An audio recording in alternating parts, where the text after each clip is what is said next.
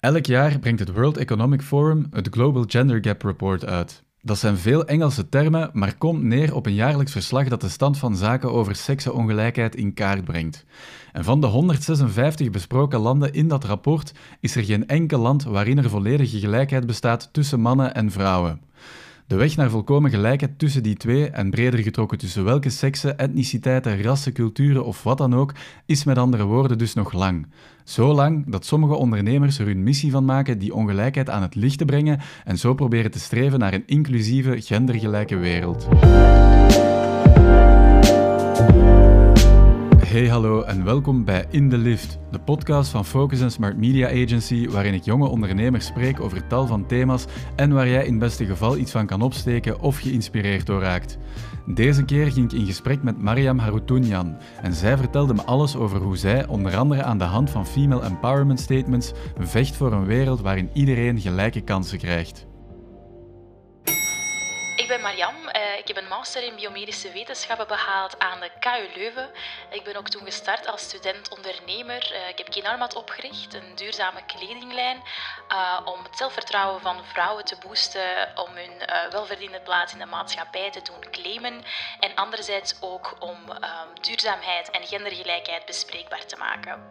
Na mijn studies biomedische um, heb ik ook mijn passie ontdekt voor consumer neuroscience neuromarketing. Um, ik ben heel gepassioneerd in de maatschappelijke uh, projecten, in maatschappelijke uitdagingen. En uh, wat mij drijft is het actief meedenken voor uh, inclusieve innovatieve oplossingen voor bedrijven, maar ook voor de maatschappij. Hele goede dag, Mariam Haroutounian. En welkom bij deze nieuwe aflevering van, van In de Lift. Uh, Haroutounian. Ik zeg het juist zo toch? Ja, ja, dat klopt. Dat klopt. Dat, dat, ja, dat is, uh, van welke nationaliteit is die, is die achternaam? Armeense. Armeens. Armeense roots. Je bent Armeense? Ja. En je hebt daar, je hebt daar gewoond, je bent daar geboren? Of, ik ben daar geboren in Armenië en verhuisd, of mijn ouders zijn verhuisd naar België op mijn drie, vier ongeveer. Oké. Herinnert je je zo nog iets van die kinderjaren daar? Of? Um, van de kinderjaren zelf niet, nee. Ik ben hier ook opgegroeid, uh, in mijn leven hier gewoond. Uh, ik ga wel elk jaar terug naar Armenië. Okay. Uh, dat wel, maar van de eerste jaren helaas. Foto's wel, en maar mijn ouders erover spreken wel. Maar zelf echt herinneringen niet. Ik was ook maar drie. Ah, ja, ja, maar je hebt daar misschien nog familie wonen dan? Of ja, ja, ik heb daar familie wonen. Het grootste deel van mijn familie woont er nog. maar een kleine familie die hier in België is eigenlijk. Ja, ja. ja. Is, dat, is het een mooi land? Heel mooi. Ja? Heel mooi. Prachtig. Prachtig ja, natuur en landschap. Geweest, dus, uh... Als je houdt van mooie landschap, dan moet je zeker in Armenië zijn. Een mooie cultuur en geschiedenis. En uh, het is een hele ervaring. Qua landschappen moet ik dan denken aan, aan bergen of uh, eerder... Bergen, heuvels. houd je van hiken? Ja, absoluut. Voilà, moet je naar Armenië. Oké, okay, voilà. Armenië, Armeens. Dat is uh, ja, volgens mij iets waar dat jij, ik merk het nu al uh, ook, waar dat jij bijzonder fier ook op bent. Want het zit ook in de naam, de Armeense roots zitten ook in de naam van uw bedrijf, van uw onderneming, of van een deel van, van uh, uw onderneming, Kinarmat. Ja. Wat, wat is Kinarmat en wat betekent Kinarmat? Um, ik heb inderdaad geprobeerd om een deel van mijn roots erin te verwerken. Kinarmat staat voor Female Roots in het Armeens. Um, wat komt inderdaad, het eerste initieel idee uh, om uh, vrouwen te, hun, hun, zelfvertrouwen te boosten, te motiveren, om de volgende stap in hun leven te zetten. En vandaar, ik kwam op het idee om daar ook mijn roots in te verwerken en er een Armeense touch aan te geven, Kinarmat. Oké, en, en hoe doet je dat dan precies? Wat, wat doet Kinarmat juist? Uh, Kinarmat is een duurzame kledinglijn. Het bestond eerst uh, alleen uit t-shirts. Dan kreeg ik de vraag om daar sweaters ook bij te zetten. En nu ook verschillende accessoires. Het bleef zo groeien op aanvraag van um, de, de, dames, maar ook de heren die dan bij Kinarmat kochten. En um, het draaide rond de t-shirts en, de, en de, de, sweaters die eigenlijk bepaalde statements daarop hadden. Dus uh, slogans, maar ook gewoon motiverende woorden om juist die, die boost te geven. En, en als je dan zo een, uh, een t-shirt zou dragen, dat je dan ook die motivatie kreeg. Eigenlijk was mijn doel uh, ervoor zorgen dat je, dat je mijn boodschap, boodschap van Kinarmat, letterlijk en figuurlijk met jou meedraagt. Ja, ja, ja. En het is dus ook niet enkel voor vrouwen, als ik het, als ik het zo hoor. Nee, inderdaad. Dus zelfs de, de, de, de sizes en, en, en de modellen zijn unisex. Dus okay. je kan, het is ook zowel voor mannen als vrouwen. Uh, met het eerste insteek van als je naar gender equality kijkt, uh, ik wist welk, welk deel een extra boost nodig hadden. En dat waren de vrouwen. Dus een focus daarop. Maar bijvoorbeeld, er zijn t-shirts die het woord feminist dragen. En die ook uh, conversaties uitlokken met mannen. Wat ik ook heel boeiend vind. En die dan uiteindelijk ook uh, die sweaters kopen om zelf de conversatie verder te zetten. Ja, dus dat is ja. wel het mooie. Ja, het zou inderdaad misschien ook raar zijn als je uiteindelijk naar gendergelijkheid en inclusiviteit wilt streven om dan een kledinglijn te maken die enkel voor vrouwen is of zo. Allee. Goh, het zou niet verkeerd zijn hoor, want um, je kiest natuurlijk jouw doelpubliek. Je kiest in welke uh, richting dat je wil gaan en welk deel dat, je, dat een boost nodig heeft. Dus moest het echt enkel alleen voor vrouwen zijn, zou het ook geen probleem zijn. Ja. Want je ziet waar het probleem is, je ziet waar uh, een groep die jouw steun nodig heeft. Dat wil niet zeggen dat je de ander uitsluit, maar je wilt wel ervoor zorgen dat je de ene de ja, boost ja, geeft tuurlijk. om gelijk te staan. Maar ik vond wel voor een, uh, een gesprek rond gendergelijkheid dat ik de mannen erbij moest betrekken. Want uiteindelijk, inderdaad, zoals dat je zegt, is het ook wel zo dat als je in dialoog wil gaan over gendergelijkheid, dat, dat we de mannen erbij moeten betrekken en dat zij ook van mening moeten veranderen. En over het woord feminist, de connotatie, om te veranderen, moeten zij mee in dialoog. Dus Ja, vandaar ja, ja. wel allebei. Ja, ja. Nu, daar gaan we het eh, zo meteen veel, veel dieper op ingaan allemaal. Ehm, maar, maar dus streetwear maakt je, maakt eh, petten en, en, en gsm-hoesjes en, en tassen, denk ik ook. Mhm. Ehm, hoe, hoe, hoe werkt dat dan? Werkt dat in collecties? Of eh, is er één basiskledinglijn? Of... Ehm, ik ben gestart met een basis. Collectie eigenlijk, die, die basisstatements had, die er nog altijd in voorkomen. En daarna is het, was het collectie per collectie, dus thema per thema eigenlijk. Ehm, dat heb ik een tijdje gedaan, thema per thema. Nu komt het ook thema per thema voor, maar ik heb ook wel een basislijn eh, die er ook telkens in voortkomt. En telkens wel ook vernieuwd wordt, maar er is zo'n baseline die er telkens in doorkomt. Oké, Ja. en wat, wat is die dan?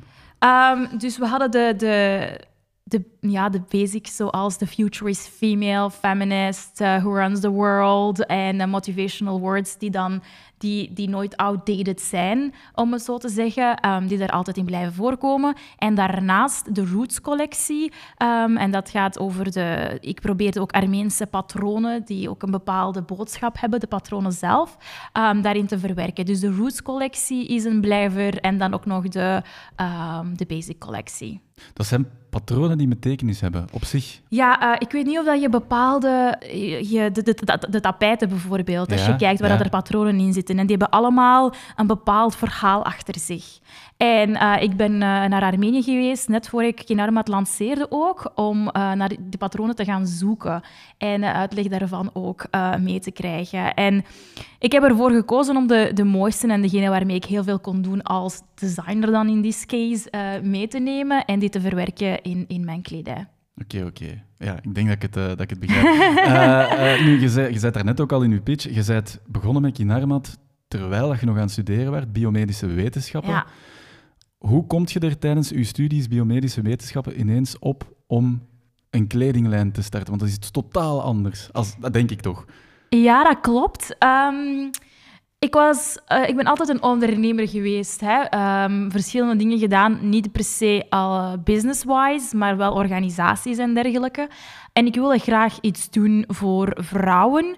En eh, ik wist op dat moment nog niet wat, maar ik wist wel dat, mijn, mijn, ik, dat ik een passie had voor mode. En ik wist ook wel dat ik iets wilde terugdoen voor vrouwen of die boost geven. Ik heb toen, ehm, denk ik, een workshop, dat was bij Brio Voca gedaan. En daar ben ik eh, op het idee gekomen of eh, een oplossing gevonden om die twee passies met elkaar te combineren. En daaruit is Kinarmat ontstaan. Het is geen vervolg van mijn studies. Eh, ik, ik hield heel veel van biomedische wetenschap. Ik hou van wetenschappen, daarom heb ik het ook vijf jaar volgehouden waarschijnlijk. Maar het was niet uitdagend genoeg, het was niet ondernemend genoeg. Dus ik zocht telkens naar nieuwe projecten en dingen om mij bezig te houden naast mijn studies. En dan kwam dit. Oké, want als je zo zegt dat je eh, altijd ondernemend bent geweest, hoe, hoe uitte zich dat dan nog zoal vroeger, daarvoor dan voor? Ja, Ehm, ik heb bijvoorbeeld als student, mm, ik was student aan KU Leuven, een organisatie opgericht. Ehm, er waren in, in Leuven heb je dus de kringen hè, Ja, van je faculteit, maar dan heb je ook nog de internationale student organizations, de ISA's. En ehm, dat is allemaal cultureel gericht, dus je hebt dan de Indische enzovoort enzovoort. En die had nog geen Armeense. En ik vond het wel belangrijk, want het is een van de grootste studentensteden, en dat je dan je eigen cultuur kunt naar voren brengen, omdat heel veel mensen Armenië ook niet op de kaart konden plaatsen. En laat staan nog de cultuur kennen. En het heeft zo'n mooie geschiedenis en cultuur. Ik wilde dat mee kunnen geven. Dus het was een uh, Armeense studentenorganisatie. Daarmee is het begonnen. En dan, dus die heb ik volledig uit de grond gestampt. En dan verder in andere organisaties mee afdelingen opbouwen. En dan pas eigenlijk in Armat. Oké, en, en want ik kan me voorstellen als je uh, biomedische studeert, dat je niet meteen de skills aangeleerd krijgt om zoiets op te starten. Uh, hoe heb je dat aangepakt of hoe heb je daarin verdiept? Um, dus onder andere uh, de workshops die ik heb gedaan bij Briovoca. Ja. Dat. Um, ik heb zelf gewoon heel veel research gedaan. Uh, ik ben zelf gewoon... Ik, ik, ben een sociaal persoon, al zeg ik het zelf. En dus netwerken. En alleen naar netwerkmomenten gaan om mensen te leren kennen. En... Um, te luisteren naar hun ervaringen, uh, maar ook gewoon wat betreft echt de, de, de, de, knowledge die je nodig hebt om iets op te starten. Um, heel veel self-research gedaan, ja.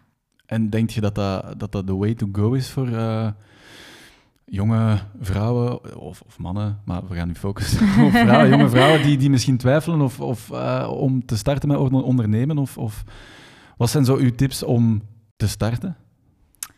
Goh, um, ik denk eerst en vooral um, uw passie vinden of iets wat dat u drijft, iets wat dat u bezighoudt. Want het is op gegeven momenten heel moeilijk.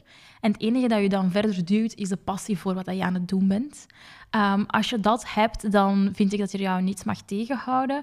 Um, je kan heel klein starten, want vaak is het ook een financieel plaatje moet kloppen, maar je kan ook heel klein starten. Dat heb ik ook gedaan. Met echt enkele t-shirts en gewoon on the go uh, geleerd. Uh, ik, ik ben mijn ondernemersuurnummer gaan halen en toen dat het werd ingeschreven, werd er mij ook verteld van ah, je hebt dus eigenlijk een leerschool voor jou opgericht. Omdat, me, omdat het duidelijk was dat ik de volledige kennis niet had. Maar ik had zoiets van, eigenlijk is dat goed verwoord. Ik heb een leerschool voor mezelf opgericht. Ik ben gestart met de basic knowledge die ik kon opdoen door workshops, door op online opleidingen. En dan uiteindelijk gegroeid tot de ondernemer die ik vandaag ben door het gewoon te doen en door te struikelen en door tegen muren te lopen. maar uiteindelijk gewoon echt uh, aldoende leren. Ja, ja, Ik ben dat persoon. Ja, ja, ik ben die persoon. Maar nu, fast forward dan, uh, uh, een paar maanden later, denk ik dan, hè, Kinarmat is opgericht. Maar dat is, de kledinglijn of het, het kledingmerk is niet het enige wat Kinarmat vandaag de dag is, als ik het goed heb. Hè? Ja, dat klopt. Ik heb uh, na mijn studies, um, zoals ik al zei, mijn passie voor uh, neuromarketing ontdekt. En um, dat is wel een link. Dus ik was heel blij dat ik een link kon vinden tussen mijn studies en mijn passie voor marketing en dergelijke. Want ik kreeg heel vaak de vraag, en doe je iets met jouw diploma? Ja. en nu is het antwoord ja hoor. Um, dus ik heb dat ook ontdekt uh, tijdens ja, een hele lockdownperiode thuis zitten. Heb ik de passie ontdekt en een nieuwe opleiding gedaan, Consumer Neuroscience. Maar daarnaast ook Gender Analytics for Innovation, wat dan mij heel hard bezighoudt op de dag vandaag en heel hard helpt wat betreft de consultingopdrachten en de strategic advisory opdrachten die ik naast Kinarmat ook heb, wat betreft gender equality en innovation. Dat is een hele boterham. uh, uh, uh, laten we beginnen. Consumer neuromarketing. Yes. Ja. Wat, wat houdt dat precies in? Ik weet niet of je het boek ooit gelezen hebt van uh, Thinking Fast and Slow. Dat, nee, is, ik... dat is een heel interessante. Um, waarom? Het, het, gaat eigenlijk vooral om uh, uw, uh, de beslissingen die je maakt, de conscious en unconscious beslissingen, bewuste en onbewuste beslissingen. Daar gaat consumer neuroscience over. Mm -hmm. Dus het gaat eigenlijk wat er in, de, in uw hoofd, in uw neuronen omgaat, die bepaalde beslissingen drijft en in uw bepaalde richting stuurt. Dus dat uw unconscious mindset eigenlijk, uh, uw unconscious thinking, emotional feeling, uw beslissingen uh, bepaalt meer dan uw conscious, uh, uw bewuste beslissingen. Daar gaat eigenlijk vooral daarom. Dus wat drijft jou om een beslissing te maken, boeit mij heel hard. Ja, dat, dat snap ik. En, en uh, wacht, hè, want ik zie nu even de link niet meer naar, naar Kinarmat. Dus het, het, het tweede was... Gender Analytics. Ja, en dat houdt dan juist in?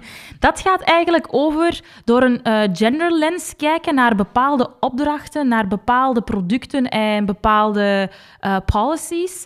Um, een genderlens, dat wil zeggen naar uh, de hidden possibilities zoeken door die gender lens. Dus vaak zijn wij biased, unconsciously biased, uh, onbedoeld, je bepaalde beslissingen die we maken, um, die eigenlijk een genderuitkomst hebben, die wij eigenlijk nooit bedoelen.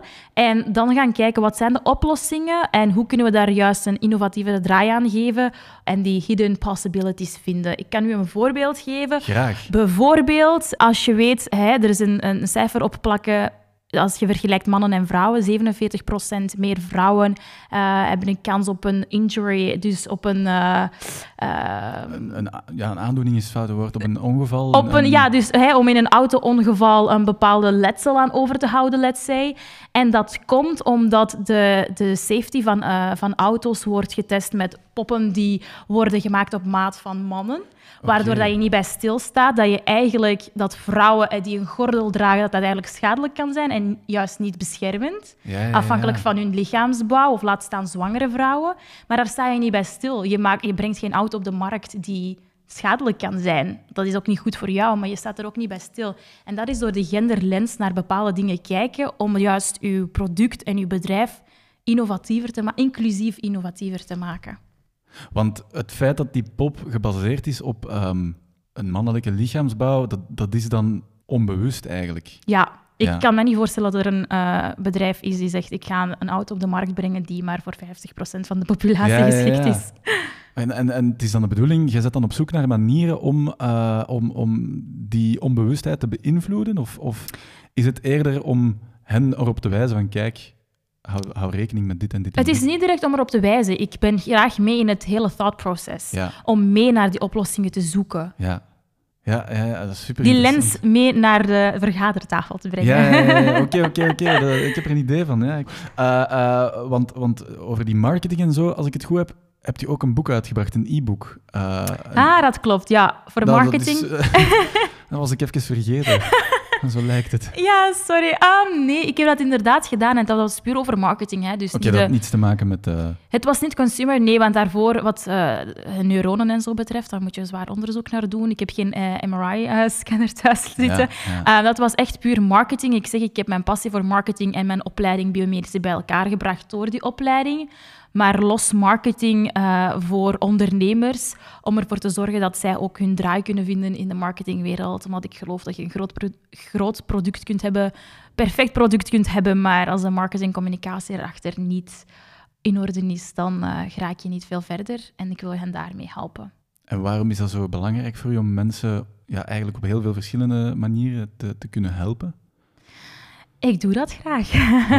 het was ook um, vanuit Kinarmat ook. Ik, waarom, wilde ik de, waarom wilde ik hun zelfvertrouwen boosten? Omdat ik zag dat, ze, ja, dat ik mezelf heel snel naar uh, deuren kan opengooien voor mezelf. En ik weet dat heel veel mensen daar, uh, oftewel ja, shy zijn. En dat is, um, ja, oftewel niet durven. En uh, hen gewoon, omdat ik zelf wel een durver ben, meetrekken in, in, in dat verhaal. Ja, en dat is op verschillende manieren. Dat is de zelfvertrouwen, maar dat is ook startende jonge ondernemers, vrouwelijke ondernemers, de tools geven die ik tot nu toe voor mezelf heb gebruikt en dat aanbieden, zodat zij zelf ook hun eigen ding kunnen doen.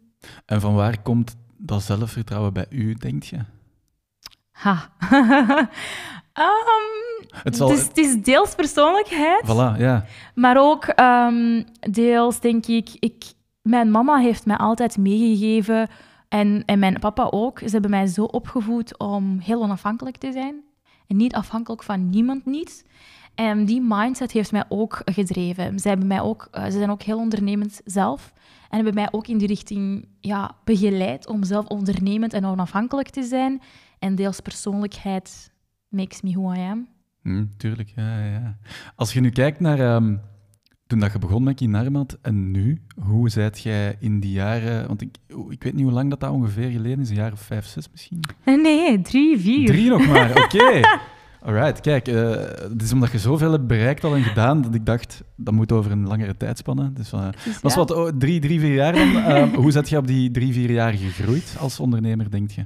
Um, zie, ik, ik vind het ook een mooie reactie, want heel veel mensen, als ze mij bezig horen, lijkt het alsof dat ik ook heel lang ervaring heb, omdat ik gewoon ook heel veel dingen... Ik hou mij graag bezig met heel veel tegelijk. Je zult het ook in mijn pitch hebben gehoord. Um, het is ook heel uitgebreid. Ik wil mij niet niet in mijn beginjaren al sinds focussen in één bepaalde richting. Ik wil van alles op de hoogte zijn. Dus daar heb ik me ook mee bezig gehouden. De verschillende certificaten, ik leer gewoon heel graag snel bij. Eh, en ehm, door de verschillende workshops te doen, verschillende leadership-programma's te doen, um, nieuwe, nieuwe opleidingen bij te studeren, maar ook gewoon ik denk het, het, uh, het grootste dat mij geholpen heeft, een van de dingen, en dat is wat ik ook er juist heb gezegd. Ik heb gewoon gedaan wat mij op dat moment het beste leek. Al is dat achteraf bekeken misschien niet zo. Maar je leert er zoveel uit. En ik denk dat het de fouten maken, durven fouten te maken, mij heel hard geholpen heeft. Durven springen.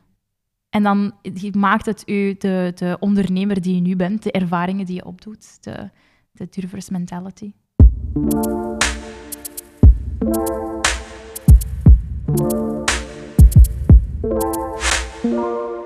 We zijn gekomen aan, uh, aan de eerste rubriek van, van deze aflevering. Dat is de rubriek Even tussendoor. Dat is geschreven met drie F'en. Die van uh, financiën, falen en familie. Of ja. family, uh, familie en friends. Maar um, de kledij van Kinarmat is duurzaam. Maar um, vaak wordt, wordt duurzame kledij ook gelinkt aan, aan duurdere kledij. Is dat een, een mythe of is dat effectief zo? Afhankelijk naar welk bedrijf dat je gaat kijken. Um, ik denk om uh, de, producten allemaal op de juiste manier en de certificaten te behalen, dat het ook ervoor zorgt voor een, zeker een start-up, dat je daar hogere prijzen, prijzen voor moet vragen. Ik heb er bewust voor gekozen om dat niet te doen. Um, waardoor mijn winst uh, bewust ook laag is geweest in het begin. Maar ik wilde, omdat het niet enkel draaide rond kledij en fashion, maar een boodschap, zodat iedereen dat wel kon kopen. En um, de kwaliteit is heel hoog. En inderdaad, het is ook zo dat wij prijs linken met kwaliteit.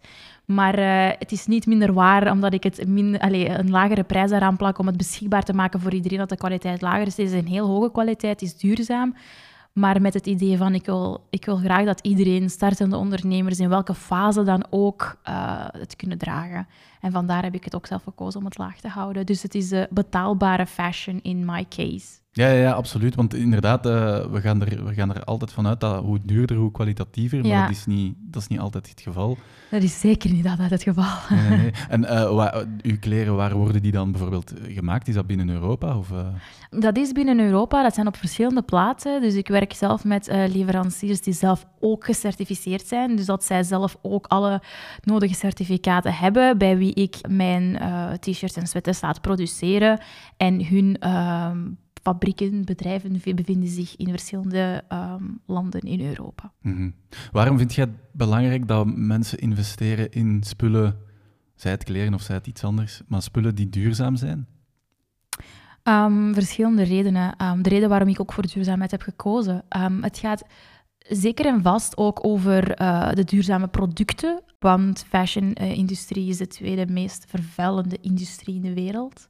En dat is echt heel, eh, als je er even bij stilstaat, de kleren die je draagt. Ehm, terwijl dat wij het, als wij het hebben over duurzaamheid, er echt over bepaalde dingen praten die er vaak, alles doet ertoe, maar um, niet over de juiste zaken praten. En dat is fashion. Dus daarom ook al. Hè. Je helpt daarmee ehm, de wereld. Um, daarnaast is uh, de duurzame fashion en de, de andere certificaten die ik in Armat ook draag, gaat over de garment workers. Dus de, de vrouwen die de, de stoffen produceren, die de kleding uh, maken omdat het dan ook voor mij belangrijk is. Ik ben hier aan het preachen over gender equality. Dat niet langs de andere kant van de productielijn vrouwen uh, in slechte omstandigheden mijn kleding produceren, want het zijn vaak vrouwen.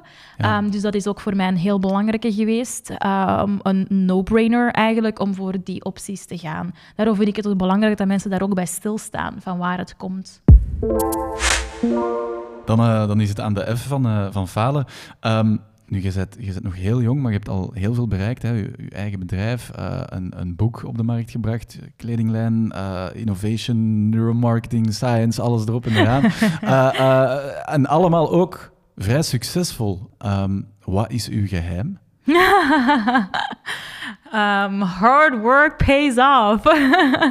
nee, het is echt zo. Um, allemaal vrij succesvol. Ja, dat is ook wel subjectief natuurlijk, want er is... Um, Ehm, voor mij, ik heb uh, het nooit, nooit opgegeven, ook niet. En welk probleem zich ook voordoet, ik, ik zie vaak het niet als een probleem of een issue. Ik geef er een draai aan om, het, eh, om er sterker uit te komen, als een lessen te zien. En ik denk, als je het wel als succesvol wil zien allemaal, dan is mijn... Uh, dat, is geen geheim achter. Het is echt gewoon hard werken en erin geloven. Want als je er zelf in gelooft, dan neem je iedereen mee in jouw verhaal. Dus dat, en daar komen we terug bij die passie die nodig is om iets op te starten. Oké. Zijn, er, ehm, zijn er toch ook al momenten geweest dat je iets voor ogen had, maar dat, waar dat je dan toch niet in slaagde of zo? Um... Dat uiteindelijk niet gelukt is? Um, goh, ik heb heel veel uitgeprobeerd. Vaak ook heel kleine dingen die bewust klein zijn gebleven en eh, klein heb gehouden. Maar vooral was om een nieuwe skill te, te leren. maar ik kan er niet echt iets op plakken dat gefaald is. Waarom? Omdat het nog altijd in een proces zit, het nog altijd bezig is. Dus als je mij binnen vijf jaar vraagt dat er gefaald is, kan ik waarschijnlijk beter antwoorden. Op dit moment is alles nog heel hard rollende. En heb ik zoveel energie dat ik er ook allemaal in, in elk eh, ding dat ik doe erin steek, dat het knock on wood stil alleen nog altijd goed gaat. Ja, ja, maar misschien, is falen, misschien moeten we falen vervangen door, door enorm balen of zo. Ja. Dat je er keihard van baalt dat hetgeen dat je in je gedachten had, dat dat niet gelukt is of dat dat... Ja. Ehm, wat, ik er wel, eh, wat ik wel heb gedaan en um, dat niet gelukt is of dat het uh, vertraagd is of whatever. Um, ik heb bijvoorbeeld tijdens uh, de lockdown ook de Kinarma Talk Show gestart. En ik interviewde dan ook vrouwen om hun verhaal te delen, om op hun beurt vrouwen te inspireren. En uh, de eerste berichten die ik uitstuurde, uitnodigingen, allemaal positieve antwoord. Ik had iemand van NATO, ik had iemand van de Obama-administration, enzovoort, enzovoort. Dus allemaal grote namen die het meteen wilden doen, terwijl ik nog geen track record had van de interviews. Um, waar ik van baal is dat ik de tijd en energie, allee, de energie wel, maar de tijd niet had om het verder uit te bouwen en die visie wel had om het verder uit te bouwen. Maar het is ergens blijven steken en stilgevallen. Um, ik denk dat dat ook misschien een van de, ja, de minpunten is aan mijn persoonlijkheid, is dat je echt heel veel wil doen en gedaan krijgen. En dat je uiteindelijk de keuzes moet maken om sommige dingen te schrappen. Um, ik wil het nog altijd wel verder doen, de talkshow. Ik ga het ook verder doen in een ander format. Maar dat is het juist. Je probeert een format, je merkt dat het niet echt is wat aanslaat.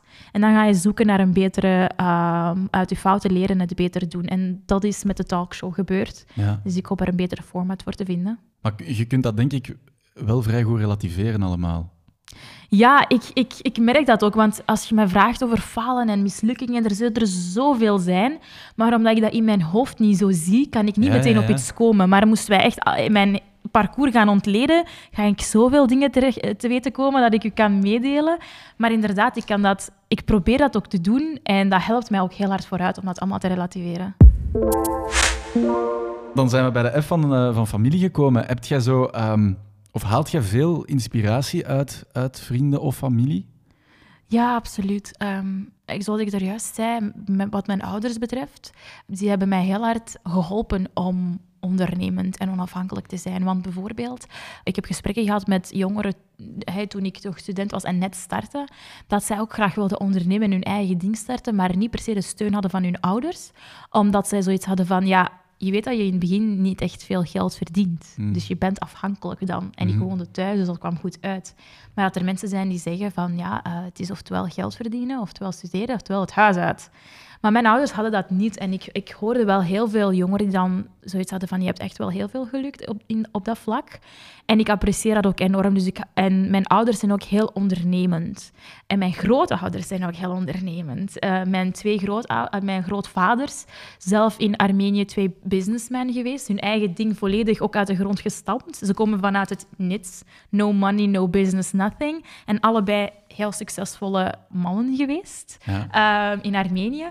En hun ervaringen, dus als ik in Armenië ben en mijn opa daar ook spreek, probeer ik daar zoveel mogelijk informatie uit te halen. want hij inspireert mij ook echt heel hard. En uh, hetzelfde met uh, vrienden. Het is met wie dat je je omringt en uh, die je naar boven pushen. Dus ik heb mezelf dan ook omringd met de mensen waar, die mij motiveren. En ja, de inspiratie geven. Zalig. Um, nu, Mariam, ik heb iemand gevonden die jij heel goed kent en die ons ook iets wist te vertellen over u. Heb je een, idee van wie het zou kunnen zijn? ik heb geen idee, ik ben super benieuwd. We gaan eens luisteren. Een paar dagen geleden vroeg iemand mij wie dat mij het meest inspiratie geeft en naar wie ik opkijk. En ik mocht uit alle mensen kiezen die hebben bestaan, maar ik heb toen toch Mariam Harutunjan gezegd.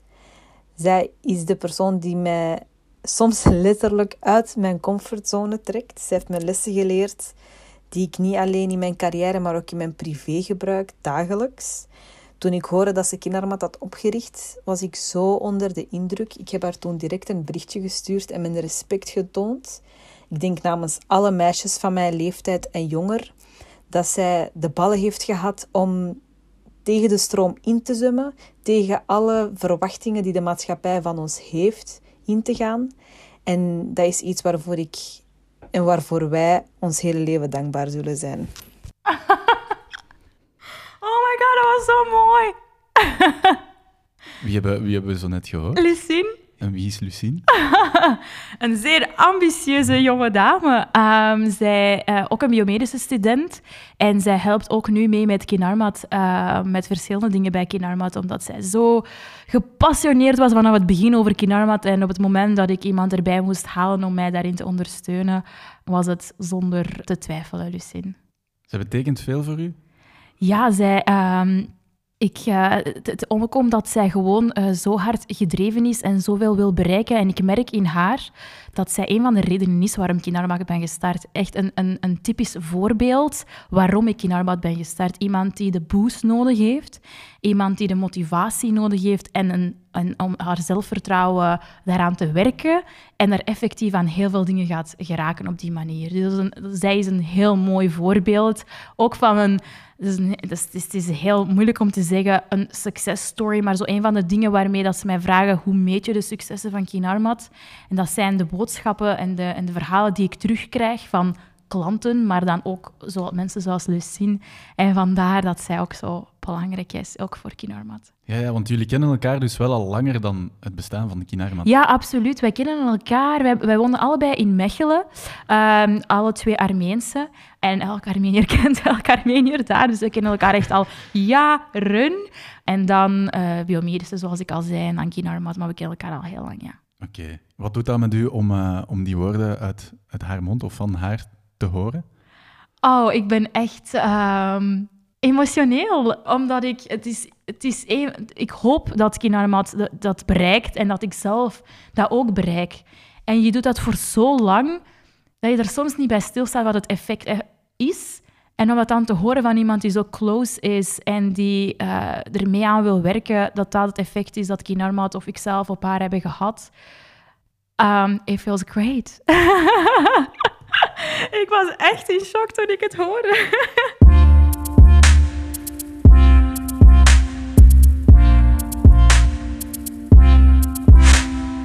Mariam, je hebt het daarnet uh, zelf heel mooi gezegd en ik ga het proberen uh, bijna letterlijk te herhalen. Dus, met Kinarmat, jij verspreidt uh, boodschappen, statements aan de hand van kledij. En die vertrekken altijd vanuit female empowerment, omdat je graag vrouwen een boost wilt geven in hun zelfvertrouwen, enerzijds. Maar anderzijds ook omdat je hoopt dat er conversaties starten om zo te streven naar een meer inclusieve en gendergelijke wereld. Ik zeg dat correct, voilà. Yes. Uh, nu, dat zijn heel wat begrippen in, in één zin die, um, denk ik, voor veel mensen, voor mij persoonlijk ook, nogal, nogal vaag kunnen zijn. Mm -hmm. Zoals bijvoorbeeld uh, female empowerment. Ik had het er enkele dagen geleden met mijn vriendin over, um, dat ik haar vroeg van, ja, female empowerment, hoe zou jij dat definiëren? Mm -hmm. En dat is, dat is moeilijk om daar echt zo'n een concrete definitie op te plakken. Dus vandaar de vraag: hoe zou jij female empowerment um, beschrijven of, of definiëren? Female empowerment uh, voor mij draait rond uh, elkaar steunen, elkaar motiveren en juist rond die zelfvertrouwen waar ik het over heb. Um, want als ik er dieper op in mag gaan wat female empowerment betreft, je hebt zo de. Um, ja, de sisterhood, als ik het mag zeggen. Um, omdat heel veel vrouwen 100% zeker willen zijn van iets, om ervoor te gaan, om zich kandidaat te stellen. En female empowerment is voor mij juist, draait eigenlijk volledig rond die zelfvertrouwen, die boost kunnen geven. Ervoor te kunnen zorgen dat, uh, dat er minder twijfels zijn en meer in je eigen geloven. Het is die self-love, self-love, self-empowerment, maar dat boosten door elkaar in die richting te duwen. Dat is voor mij female empowerment, women empowerment vrouwen motiveren, inspireren, de zelfvertrouwen boosten. Het elkaar ondersteunen. Echt het elkaar uh, ondersteunen. Het belangrijkste is het elkaar ondersteunen. want het is ook zo dat wij... Je wordt heel vaak gezegd dat je uh, ja, die, uh, onafhankelijk moet zijn. Hè? Je moet independent zijn. Maar dan heb je nog de interdependency, dus met elkaar ook kunnen uh, samenwerken. En dat wordt niet per se geboost. Je hebt heel veel um, ja, boeken rond uh, independent zijn en hoe dat je zelf aan je eigen moet werken, je eigen, je eigen, je eigen. Maar we vergeten ook wel dat er nog een samenwerking moet zijn met andere mensen. Daar wordt minder over gesproken en mhm. geboost.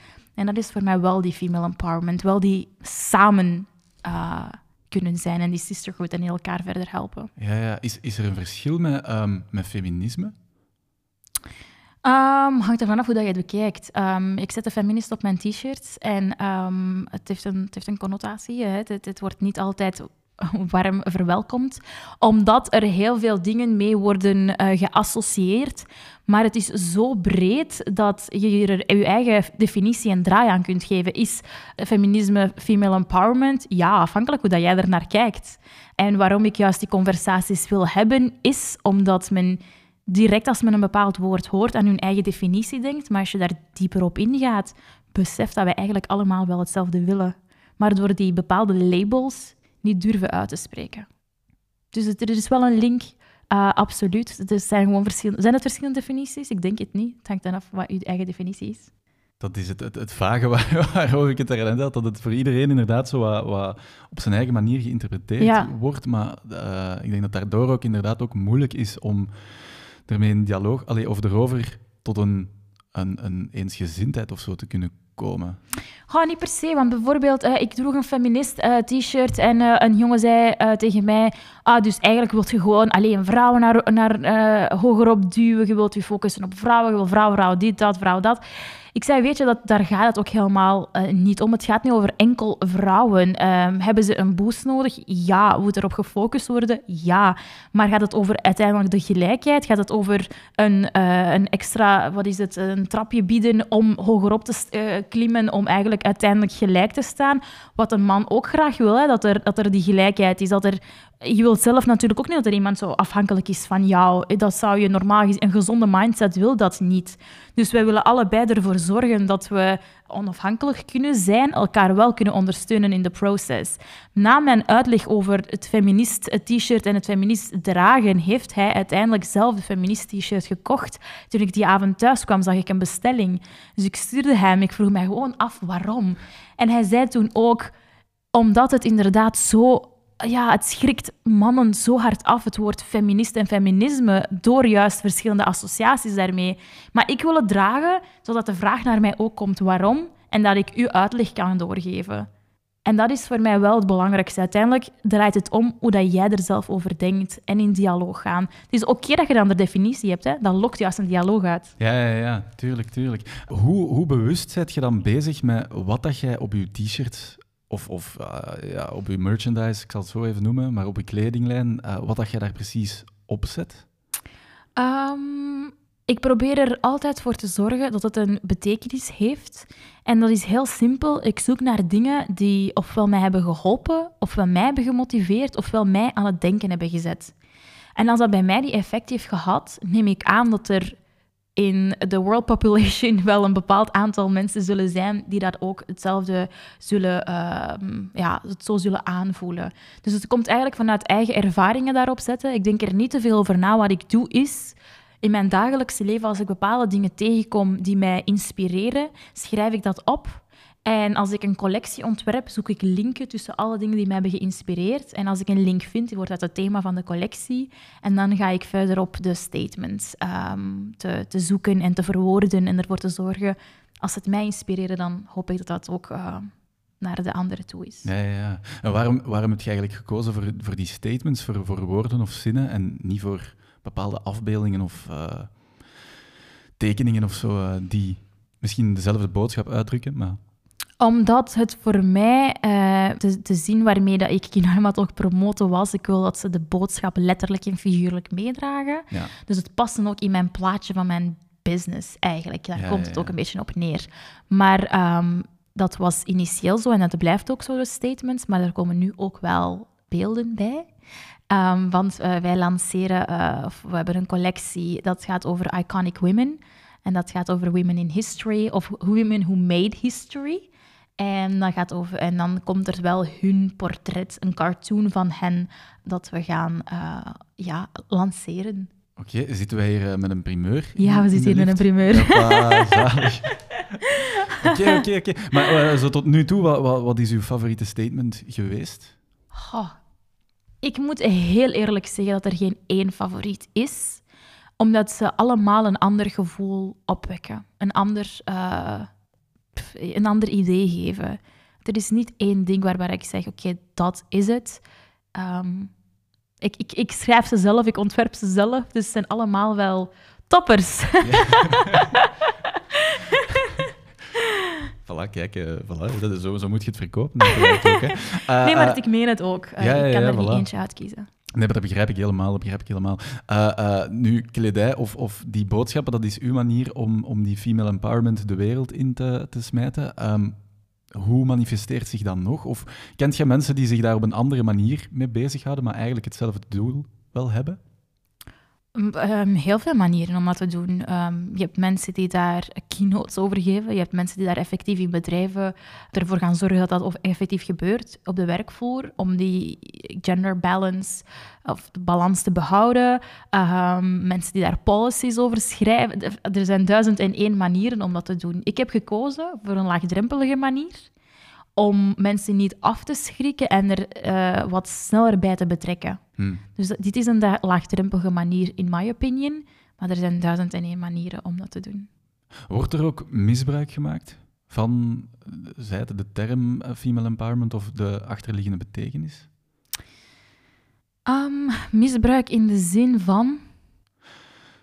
Ehm, ik kan mij bijvoorbeeld wel inbeelden dat er mensen op sociale media een, een foto posten met daaronder de hashtag female empowerment, ehm, maar die eigenlijk uit zijn op heel veel likes krijgen of zo. Mm, Aan- ik snap wat je bedoelt, ja, een hype of zo. Ehm, maar dat heb je met... Nou heb je met heel veel. Dat heb je met heel veel movements. Ik ga nu geen eh, termen noemen, maar er zijn heel veel movements die ook gewoon... eh, ehm, of fake activists, eh, die dan bepaalde termen gebruiken, puur om die termen te gebruiken. Maar als je de vraag stelt, niet weten wat de termen ja, betekenen. voilà, het is dat eigenlijk denk Ja. ik dat ik bedoel. Ja. Ja, en, en social media maakt het natuurlijk veel gemakkelijker hè, om dat te doen. En zelfs voor ons om dat op te sporen. Eh, soms merken we dat niet, als je, zeker als je zelf niet familiair bent met de term en zelf niet weet wat, er, wat het betekent of zelf niet de research hebt gedaan, dat je dan gewoon de eerste beste ehm, social media post gelooft. Ja, dat gebeurt. Maar dat gebeurt met elk term die op social media een trending hashtag is.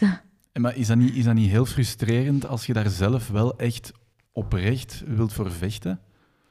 Ehm, ja, tuurlijk is dat frustrerend. Maar ehm, ik denk de mensen die zich daarin willen verdiepen, ehm, weten dat allemaal. Maar je wilt natuurlijk de gewone, de, de gewone mens die dan eh, daarmee bereiken met je boodschap.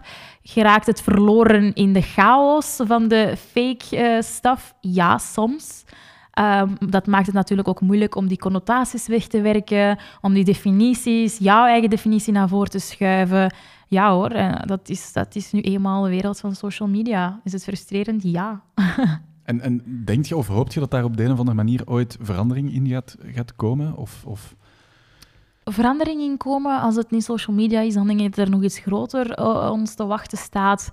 Ehm, dat volledig wegwerken, dat is nooit gelukt, denk ik. Hadden het hiervoor in social media, dan was het op andere manieren dat mensen fake news proberen te verspreiden. Of, ehm, maar nu is het inderdaad wel zo meer dat er wel, ja, een, gewoon een hashtag gebruikt wordt for the sake of using it. Maar dat het volledig weg gaat gaan, I don't think so. Hm, ja, ja, ja. inderdaad, helaas. Misschien, uh, maar ja, weinig aan te doen, denk ik ook. Ja, gewoon weinig aan te doen. Wat doe je eraan? Ja, nee, klopt, klopt, klopt. Proberen om uh, zoveel mogelijk de juiste boodschappen te verspreiden. Ja, en met meer te zijn die de juiste boodschap verspreiden, om door chaos heen verstaanbaar te zijn. Ja. Heb, je, heb je zelf al veel reactie gehad van vrouwen die dankzij uw kleding of, of uw berichten of social media posts um, gestart zijn met hun onderneming of, of toch die stap durven zeggen of zetten of, of dat, dat, die groei aan mhm. zelfvertrouwen hebben gekregen? Ja, ehm, ik denk dankzij Kinormat is een, is een heel groot woord om het zo te zeggen. Er zijn heel veel dingen en ik probeer gewoon mijn eigen steentje bij te dragen.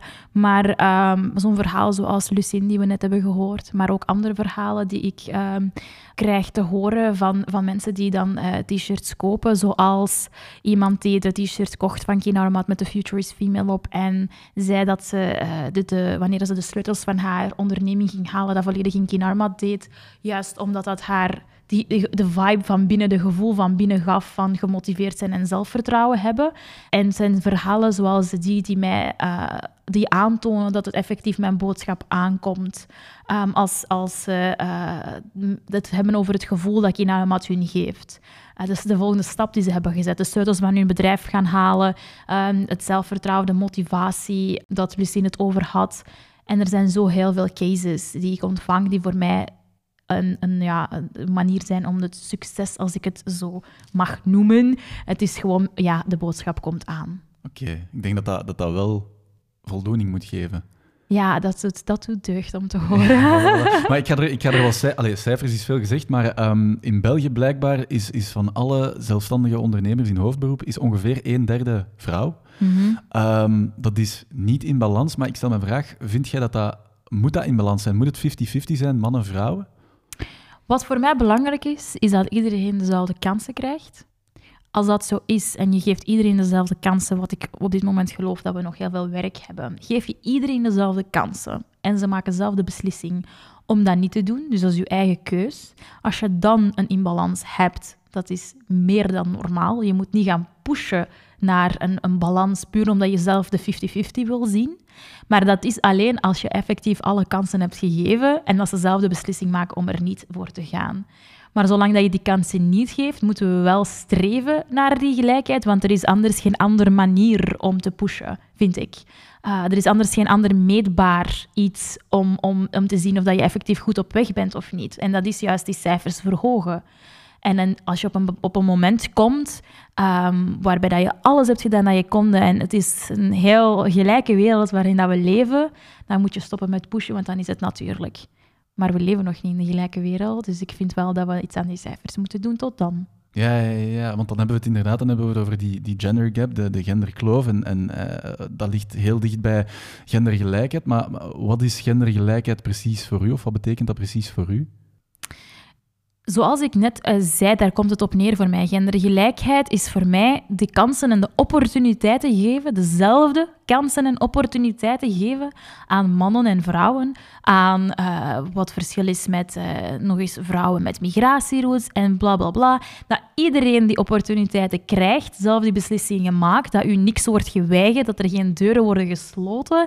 Dat is voor mij die gelijkheid, naar die gelijkheid streven. En dat is zowel de kloof, al is het de, de, de gender gap, eh, als we het hebben over de loonkloof, als we het hebben over ondernemers, als we het hebben op de werkvloer, managers, CEO's, alle imbalances die er zijn, als je de opportuniteiten geeft en ze botsen niet tegen een plafond, dan heb je die gelijkheid voor mij. Dan heb je het bereikt. Dan moet je niet gaan forceren naar de 50-50's. Ja, ja, ja. Je haalde in uw, in uw antwoord ook aan, uh, en, en dat, het sluit ook heel dicht bij elkaar, uh, bij elkaar aan. Uh, dat je, dat het gaat niet alleen over geslacht, maar het gaat ook over afkomst, etniciteit, die inclusiviteit waar dat je naar streeft. Wat, opnieuw dezelfde vraag. Wat betekent inclusiviteit voor u? Um, het komt allemaal op hetzelfde neer, denk ik. Uh, het gaat echt om uh, iedereen de kansen en opportuniteiten geven en door dezelfde deuren laten uh, binnenstappen als de, dat je um, met een bepaald deel van de maatschappij ook doet. En dan ben je inclusief bezig. Er ook effectief bewust mee bezig zijn, um, want we zijn heel vaak onbewust biased. En daar kan je zelf heel veel aan doen. Vooral ook de, dan mensen in topfuncties, als in managers en dergelijke, die, die inclusiviteit, eh, dan heb ik het echt over werkvloer en bedrijven, um, die kunnen er zelf ook heel veel aan doen om uh, de onbewuste bias um, om bewust te zijn van momenten waarop dat zij onbewust bias toelaten. En hetzelfde in de maatschappij, ervoor zorgen dat we um, elkaar die kansen en die opportuniteiten geven en niet door verschillende lenzen kijken. Hmm. Van, waar voelt jij die nood om, om te vechten voor iets dat niet alleen betrekking heeft op jezelf, maar ook op totaal andere mensen? Um, is dat niet wat ons mens maakt? Um, om mee de anderen erbij te betrekken en om samen uh, een, een, doel te hebben, om iedereen erbij te betrekken. Ik, als we het even heel kleinschalig mogen zien, ik voel me er ook niet goed bij om, om uh, er niemand bij te betrekken als ik kan in een vriendenkring. Al is het uh, voor een bepaald project, om mensen uit te sluiten. Als je het zo kleinschalig bekijkt, je doet dat dan ook niet. Dat doe je normaal gezien ook niet. Dus als we het nu grootschalig gaan bekijken en we het over de maatschappij, dan ga je dat ook niet doen. Dan ga je ook niet proberen mensen uit te sluiten. Dan ga je ook niet proberen mensen weg te pushen. Je wilt er iedereen bij. En ik ben altijd iemand geweest, als ik... Um, als we terug even kleinschalig gaan zien, als ik een, uh, een, een bully, een pestkop of whatever zag op school, die moesten echt niet proberen in mijn omgeving om iemand te pesten die, die op, op mijn school, in mijn jaar, kon niemand niemand pesten. En dat was niet alleen door mij, dat was ook door mijn vriendengroep. Wij lieten dat gewoon niet toe, punt aan de lijn. Er werd niemand gepest in ons bijzijn. En dat komt ook gewoon voort uit als je dat grootschalig bekijkt. Je sluit niemand uit. En als ik degene ben die daar mee iets aan kan doen en mijn steentje kan bijdragen, dan ga ik dat ook gewoon doen.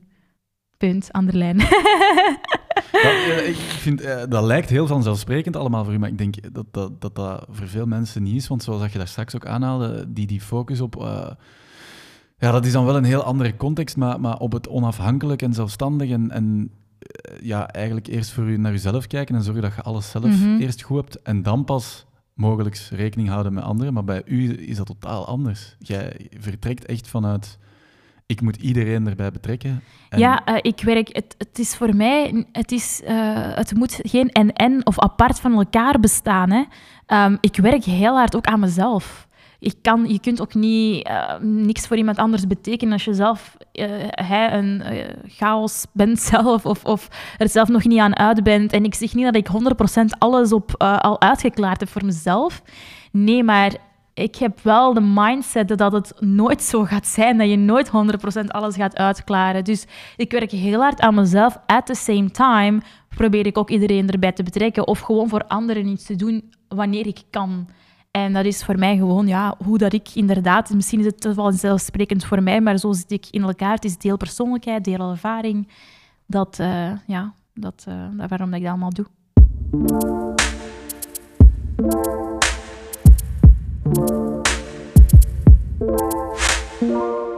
Mariam, ik heb, u, ik heb u gevraagd om eens na te denken over, um, over uw levensmotto. Um, maar misschien moet ik beginnen met de vraag: hebt, je, hebt jij wel een levensmotto? Uh, ik denk als uh, de mensen tot nu toe hebben geluisterd, dat het wel een beetje duidelijk is wat mijn motto is. en dat is effectief: You'll never be 100% ready, do it anyway. Start before you're ready is mijn motto, of uh, als ik het zo mag noemen, puur omdat ik die mindset heb om te leren aldoende. En ook gewoon, zoals ik al zei, um, vrouwen hebben die mentaliteit vaak. Um, ze wachten totdat ze alle um, boxen kunnen tikken uh, en dan pas uh, ervoor gaan.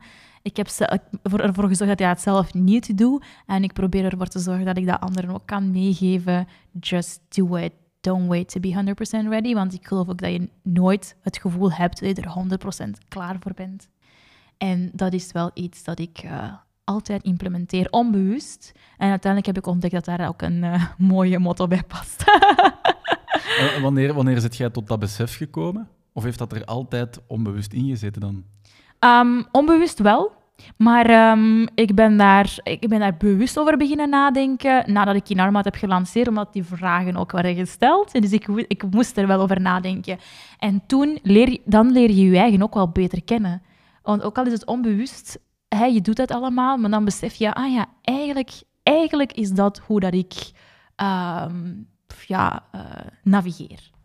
En dan besef je dat daar wel wat dingen bij passen en dan kan je dat meegeven met anderen en antwoorden op vragen.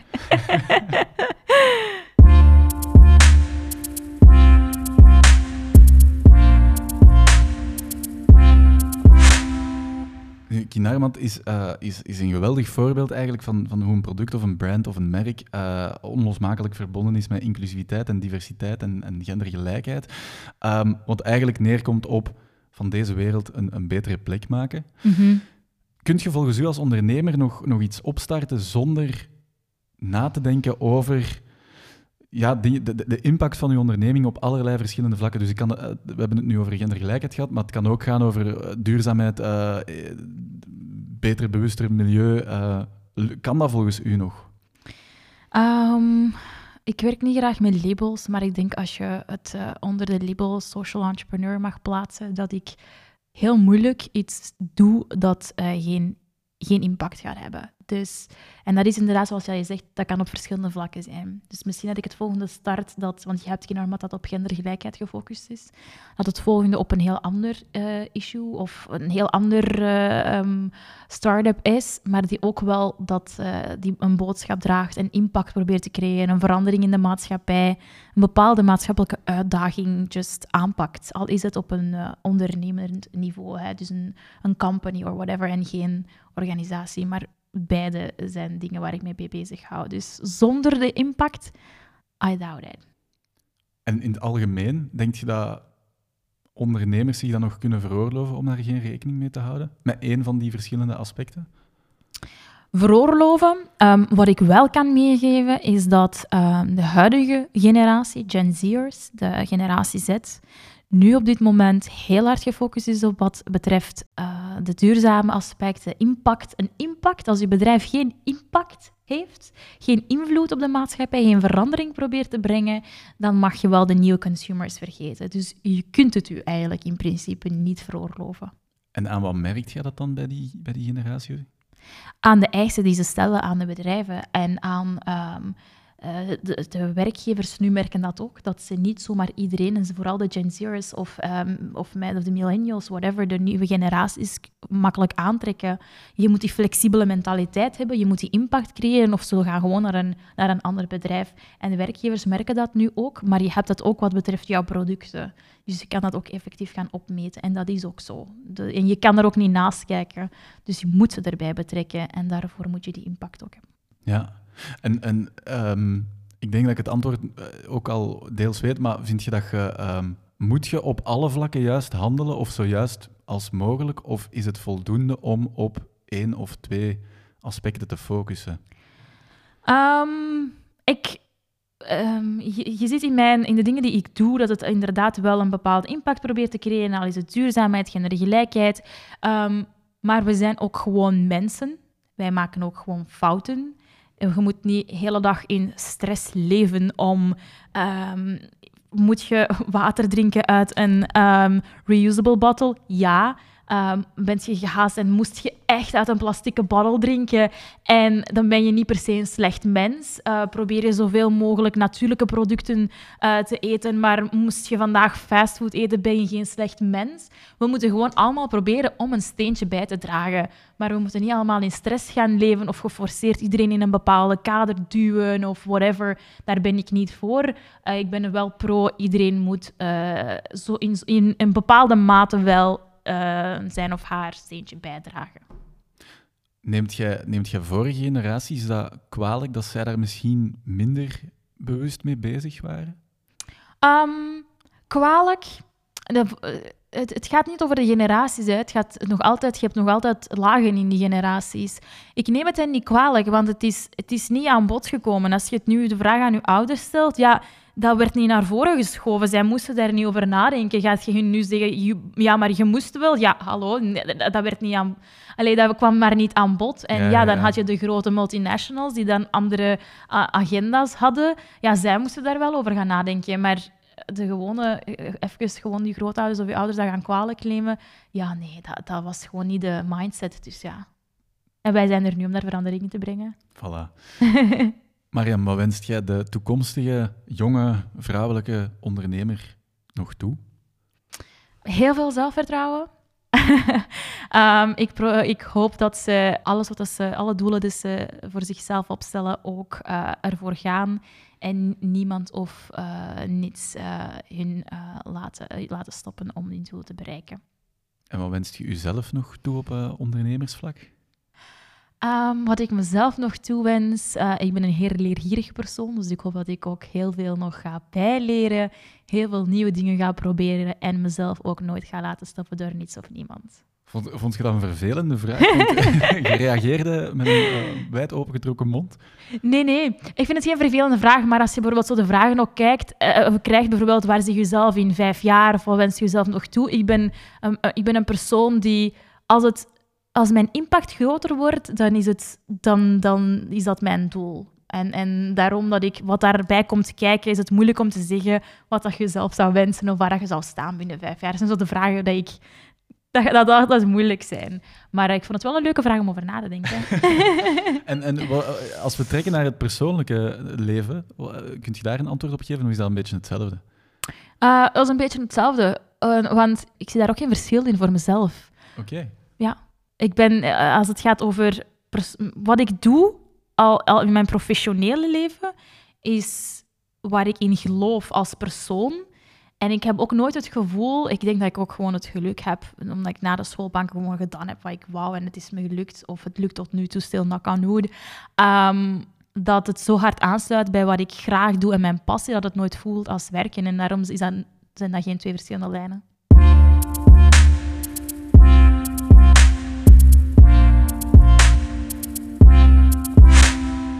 We zijn bijna aan het einde van de aflevering gekomen. Maar uh, eerst is nog tijd voor de startersketting.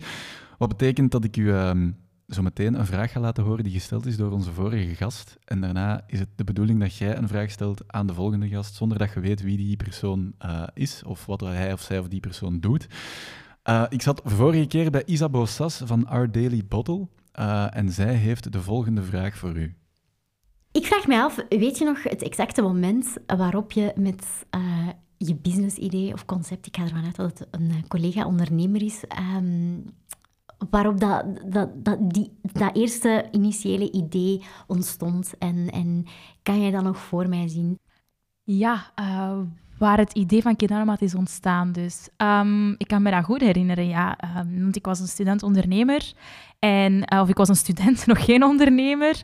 En ik probeerde te ondernemen en ik deed mijn workshops bij, bij VOCA. Ik had een passie voor fashion en uh, ik wilde graag iets doen voor vrouwen. En ik zat in de workshopruimte van Rio.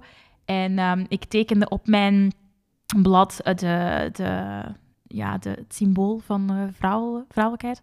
En um, toen kreeg, passeerde er iemand dus die de workshop aan het leiden was en die zei... Ah, dus je wilt iets doen met vrouwen. Want op dat moment wist ik alleen dat, ik iets, dat het de t-shirts waren, maar hoe ik het ging linken nog niet. En toen dat die persoon zei, ah, je wilt iets doen voor vrouwen, dacht ik, ja, dat is inderdaad uh, heel mooi gezegd. En toen ben ik uh, terug naar Kot gegaan, want ik zat op Kot in Leuven. En ik ben dan gewoon alle twee beginnen uitwerken. En op kot na, de, na die sessie is het uh, volledige idee ontstaan. Alright. Dus van zodra dat idee in je hoofd zat, zet je ook meteen begonnen met alles uit te werken? Ja, het heeft niet zo lang geduurd. Oké. Dan, uh, dan heb ik nog, nog één vraag voor u. En dat is, uh, wat wilt jij graag te weten komen van onze volgende gast? Ja, um, omdat ik vind dat wij ondernemers niet altijd onze successen weten te vieren wil ik wel uh, eens graag weten voor, van de volgende persoon uh, op welke realisatie dat zij het meeste trots zijn en dat wel graag zouden vieren als succes. Oké, en van waar komt die, die vraag? Omdat ik, uh, ik, ik zeg het, ik vind dat wij niet, niet vaak stilstaan bij de dingen die wij wel heel goed doen. Wel vaak bij wat kan er beter, wat kan er beter. Maar die kleine successen die u motiveren en die, waar je even, best, even stilstaat en terugkijkt op de weg die je hebt afgelegd, dat je daar vaak wel trots op mag zijn. En wij staan daar heel weinig bij stil. Dus ik vind het altijd leuk als iemand ook vraagt, waar ben je het meeste trots op? Moet je toch eventjes...